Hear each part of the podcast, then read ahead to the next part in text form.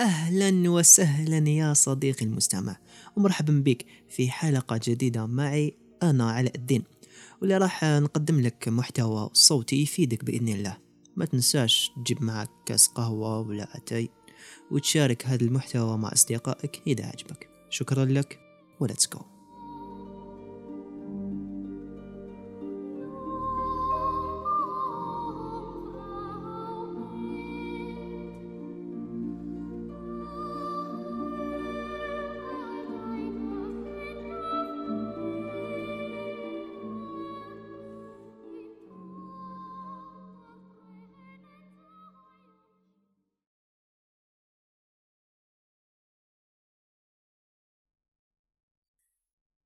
علاش حنا كمجتمع جزائري ولا كأمة عربية مازلنا في الحضيض ومازلنا متأخرين؟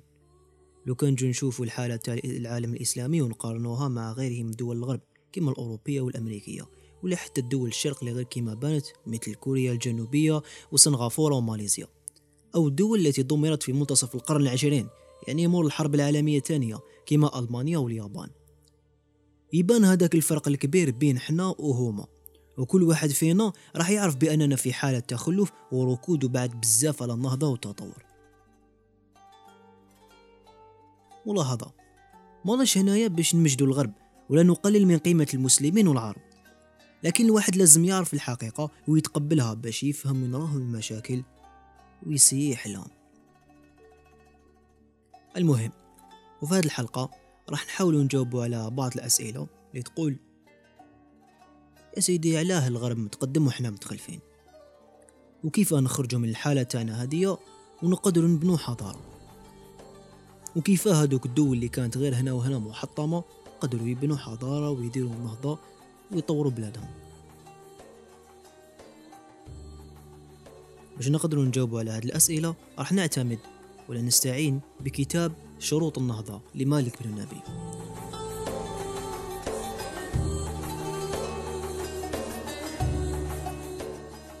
مالك بن نبي في هذا الكتاب حاول يعطينا أهم الأسباب اللي يعاني منها العالم الإسلامي والعربي ككل.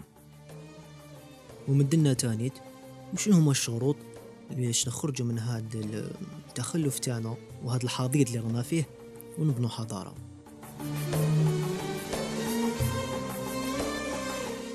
لذا راح نحاولوا نشرحوا هذا الكتاب ونحاولوا نجاوبوا على هذه الأسئلة. لكن بعد الفاصل.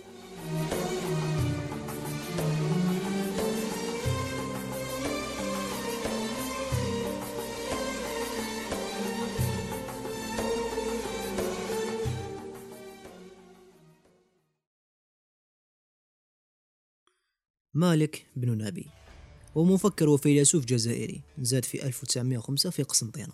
مالك بن نبي كان مهتم بزاف بالحضارة والمشاكل تاعها ولهذا دار سلسلة من الكتب تحت عنوان مشكلات الحضارة واللي فيها عشرين كتاب.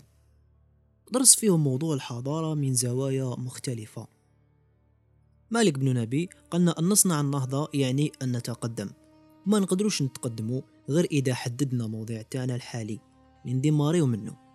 ويعني المكان تاعنا في الدورة التاريخية. ما لاوش حابين نقولوا بهذه الدورة التاريخية؟ الدورة التاريخية أو التعاقب الدوري في تفسير التاريخ. يعني أن التاريخ يصير في دورات متتالية ومتشابهة. شغل الأحداث تاع بكري تتعاود بصح بأشكال متقاربة شوية وتجيب نفس النتائج. يعني نقدر نمثلوا التاريخ بالقمر. يكون مع الأول هلال ومن بعد يولي بدر تام ومن بعد يبدأ ينقص غير بشوية بشوية بشوية حتى يولي هلال من جديد. وهكذا. وهاد الدورة ما يخرجش المعنى تاعها من ثلاث مراحل. البداية النمو والنهاية. الميلاد والشباب والشيخوخة وأهم من يمثل هذه النظرية هو أفلاطون وابن خلدون. واحد مرحلة الروح. فهذه المرحلة تكون فكرة دينية ولا أخلاقية تسيطر عليها. يعني تخرج الناس من الجهل واتباع الغريزة إلى إيمان القوي بفكرة دينية ولا أخلاقية. لتقضي على الجهل وتنظم الغريزة تاعهم. عنده مثال هاي نقيس بها العالم الإسلامي قديما. فعندما جاء رسول الله صلى الله عليه وسلم خرج شعب الجزيرة العربية من عبادة الأوثان والجاهلية واتباع الغريزة والشهوات إلى الإيمان بمبادئ الإسلام. ولا كيما النهضة الأوروبية اللي كانت في العصور الوسطى في حالة انحطاط وتخلف؟ نقلت الشعب الأوروبي من هذه الحالة إلى الإيمان بفكرة الدين المسيحي. كيما اليابان التي انتقلت من الحالة تاع دمار إلى الإيمان بالعمل الجماعي وإتقانه والأخلاق.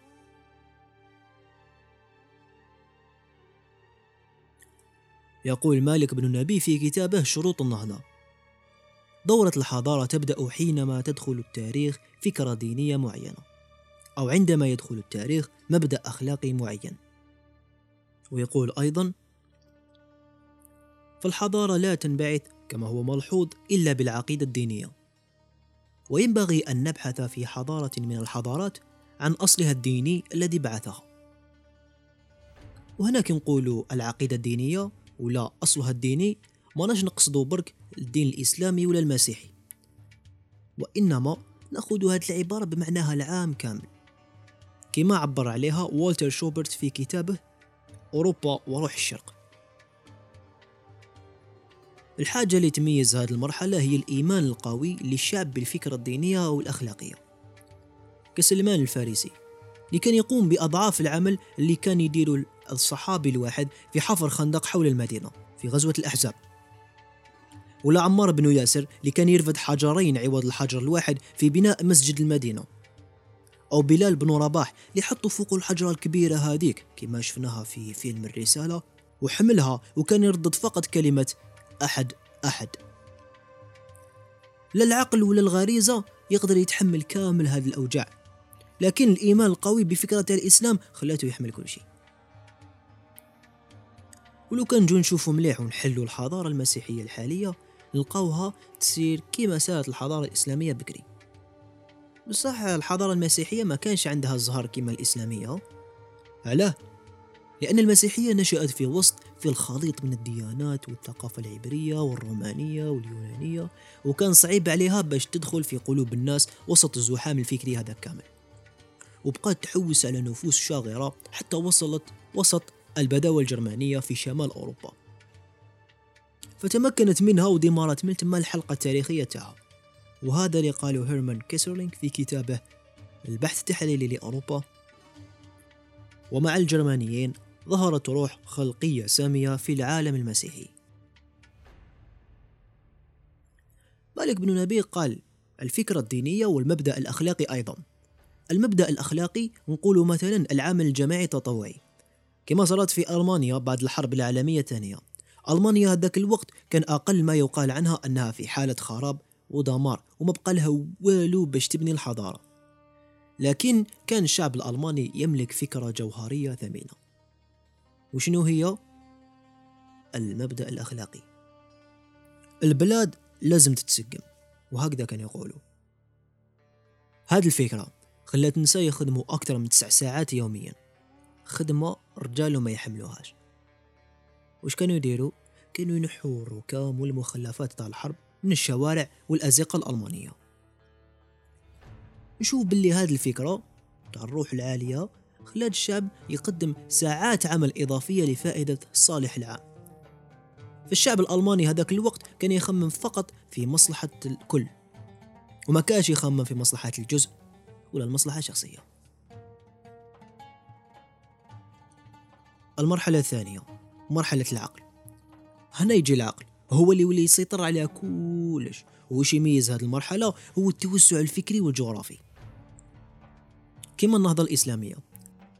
بعد نهاية الحكم خلفاء الراشدين تم خلاصة مرحلة الروح وكي وصلوا الأمويين إلى الحكم بدأت مرحلة العقل. واللي بقات حتى سقوط الدولة العثمانية. فهذه المرحلة كان توسع كبير في البلاد من خلال الفتوحات الإسلامية. وكانوا كاينين بزاف علماء مثل ابن خلدون الفارابي ابن سينا وإلى آخره. مثال آخر عن النهضة الأوروبية. اللي بدات مرحلة العقل تاعها في عهد لا إلى يومنا هذا. خرجت الحضارة الأوروبية من مرحلة الروح إلى مرحلة العقل. وكان توسع في البلاد الذي حققه كريستوف كولوم باكتشاف أمريكا. المرحلة الثالثة واللي هي مرحلة الغريزة. كما هضرنا على مرحلة العقل كانت الغرائز التما تتحرر غير بشوية. لكن الآن وفي هذه المرحلة تتحرر كامل وهي اللي ترجع مسيطرة على الإنسان وتصبح فكرة دينية عاجزة تماما والمجتمع يولي منحل والناس تولي تحوس على السلطة حتى بالخيانة وتحوس على الدراهم حتى بالقتل والسرقة والنهب وتحوس على الشهوات والحلال يرجع حرام والحرام يرجع حلال وتخلط الحالة كامل والاقتصاد يهبط والثقافة تروح والإنسان يضربها بسبات عميق جدا. هذه هي الدورة التاريخية. اللي تتكون من الروح والعقل والغريزة بالترتيب. آية نجو نابليكيوها على الواقع الآن. على كل حال واضحة وضوح الشمس باللي دول العالم الأول راهم في مرحلة العقل. وحنا وين رانا؟ هاك عرفتها. رانا في مرحلة الغريزة. على كل حال حتى الغرائز عندهم بدأت توسع شوية. خاطرش قلنا باللي مرحلة العقل تكون الغرائز تتحرر غير بشوية. وهذا اللي قاله مالك بن نبي في كتابه شروط النهضة. ومن الطبيعي أن الغرائز لا تتحرر دفعة واحدة وإنما هي تنطلق بقدر ما تضعف سلطة الروح. وحتى الفكرة الدينية بدأت تراح وفي قرن القرون راح تغلب عليها الغرائز وتحل محلها وتدخل في المرحلة الثالثة. صح لازم نتفهموا بلي المشاكل تاع العالم الأول ماشي كيما المشاكل تاعنا. واستوراد الحلول تاعهم كما يفعل البعض باش نحلوا المشاكل تاعنا في نظر مالك بن نبي هو الجهل والانتحار. لأن مشاكل مرحلة العقل ماشي كيما المشاكل تاع مرحلة الغريزة. وبنفس المنطق حلول مرحلة العقل ماشي كيما حلول مرحلة الغريزة. فيرى مالك بن النبي أن مشكلة مرحلة الغريزة هي غياب الفكرة. ويقول في كتابه شروط النهضة ومن سنن الله في خلقه أنه عندما تغرب الفكرة يبزغ الصنم. الصنم هو الوثن والوثنية في نظر الإسلام جاهلية. إذا الجهل في حقيقته وثنية أيضا. بصح اصبر اصبر اصبر. وش من وثنية؟ وش من صنم راك تهضر عليه يا علاء إحنا مسلمين والوثنية خلاص هذيك بكري. صح عندك الحق. صح ما تنساش باللي قلت لك مع الأول أن التاريخ يتعاود. نعم الدورة التاريخية تاع ابن خلدون وأفلاطون الميلاد الشباب الشيخوخة. هاك عرفتها. شفيت عليها. صح قلنا أن التاريخ يعيد نفسه. وإحنا أصلنا واحد طبيعة بشرية. والوثنية تأخذ أشكال وألوان مختلفة حسب متطلبات كل عصر. بكري في الجاهلية وقبل ما يجي الإسلام كان غياب كل الفكرة. وعلى جالها كانوا يعبدوا الأصنام. وفي زمن أوروبا أه يعني زمن الانحطاط مشي دوكا. كانت الوثنية عبارة عن قساوسة يسرقون الناس ويكذبوا عليهم وكانوا يبيعوا لهم تذاكر دخول الجنة ولا تذاكر الغفران. بالنسبة للعالم الإسلامي بعد سقوط الدولة العثمانية جو مراها الاحتلالات الأوروبية للدول العربية. والتم ظهرت الوثنية. كيف كيف كيما الأوروبية؟ الإنسان التم ما ولاش يحب يخدم والمعابد والزوايا والحروز تدي لهم دراهمهم باش زعما يمدوا لهم البركة من الأرواح الكسيدة. بعد ما تحررت الشعوب أصبحت الوثنية ذات طابع سياسي. المعابد والزوايا ولات القهاوي وين يتلاقاو الناس ويسمعوا السياسيين والحروز ولاو أوراق الانتخابات. وهكذا قالنا مالك بن نبي في كتاب تاعو شروط النهضة لقد ورث الميكروب السياسي ميكروب الدروشة فأصبح يفعل بالشعب ما كان سلفه يفعل. فبعد أن كان الشعب يقتني بالثمن الغالي البركات والحروز أصبح يقتني الأصوات والمقاعد الانتخابية ويسعى إليها في تعصب لا يفترق عن تعصبه الأول دون أي ذوق ناقد ودون أي جهد لتغيير نفسه أو مجتمعه. وزرعوا فينا فكرتين قبل ظهور السياسة كانت الحقوق تؤخذ ولا تعطى. وبعد ظهور السياسة ولينا نقعدوا في القهاوي ونقولوا مدونا حقوقنا حتى وما نديروا والو. ونزيدوا اقتباس آخر من كتاب مالك بن نبي لشروط النهضة. وقال وإننا لنتذكر بكل أسف مأدبة أقامها طلبة الجامعة في الأشهر الماضية. وتكلم فيها أحد الطلاب فقال إننا نريد حقوقنا ولو مع جهلنا وعرينا ووسخنا. ولقد كانت هذه الكلمة موضع استحسان من جميع الحاضرين. وفي الحقيقة أن الحق ما راهوش هدية تهدى وما راهوش غنيمة تغتصب. وإنما هي نتيجة القيام بالواجب الذي يترتب عنها نيل الحق. والمشكل تاعنا ما راحش في في الحق ولا في الواجب وإنما وش راه يدور بيناتنا من عادات وش عندنا من أفكار. يقول مالك بن نبي إفساد النهضات يكون بإنتاج إنسان النصف. من هو إنسان النصف؟ إنسان شديد الإلحاح بطلب حقوقه على الدوام ولكنه لا يقوم بالحد الأدنى من واجباته. اسم الإنسان ما يقدرش يتقدم وما يقدرش يتطور غير إذا غير سلوكه النفسي. ويقول مرة أخرى مالك بن النبي وإنها لشرعة السماء غير نفسك تغير التاريخ. وهذه نلقاوها تاني في القرآن الكريم. النص المبدئي للتاريخ التكويني. بيوي صواغ بعد بسم الله الرحمن الرحيم. إن الله لا يغير ما بقوم حتى يغيروا ما بأنفسهم. فالله عز وجل في هذه الآية قال قوم وما قالش مسلمين ولا مؤمنين. يعني ما حددش إذا مسلم ولا كافر. قال قوم. ودوكا رانا نشوفوا واحد الناس من العرب يقدسوا ويمجدوا الحضارات الأخرى. تاع دول العالم الأول والدول العالم المتطور. وفي كل محضرة تسمعهم يقولوا آه كوكب اليابان. آه أمريكا المتطورة. آه هما خير منا. صح هما خير منا.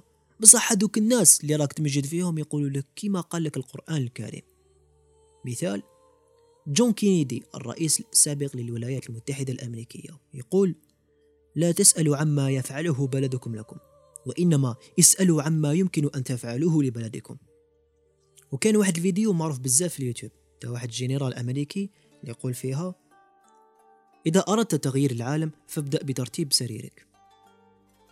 وهذا اللي دارته الحضارة الإسلامية من قبل ونفس الشيء بالنسبة للحضارة الأوروبية.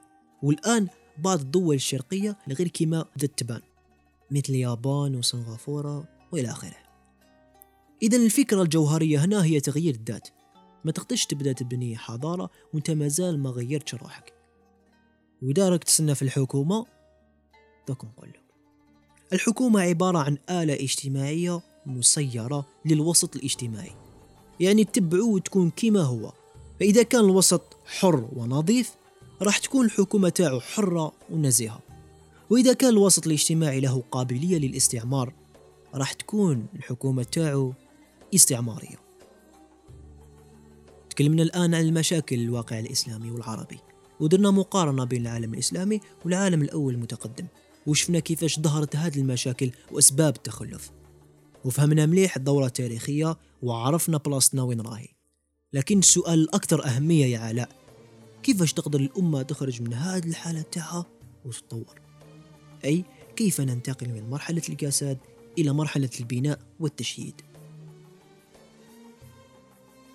أنا هنا نكون لحقت إلى نهاية هذه الحلقة. نتلاقوا بإذن الله في حلقة جديدة. وراح نهضروا ونقصروا على كيفاش نقدروا نبنوا الحضارة. تحت شعار من التكديس إلى البناء. دمتم في رعاية الله وحفظه. والسلام.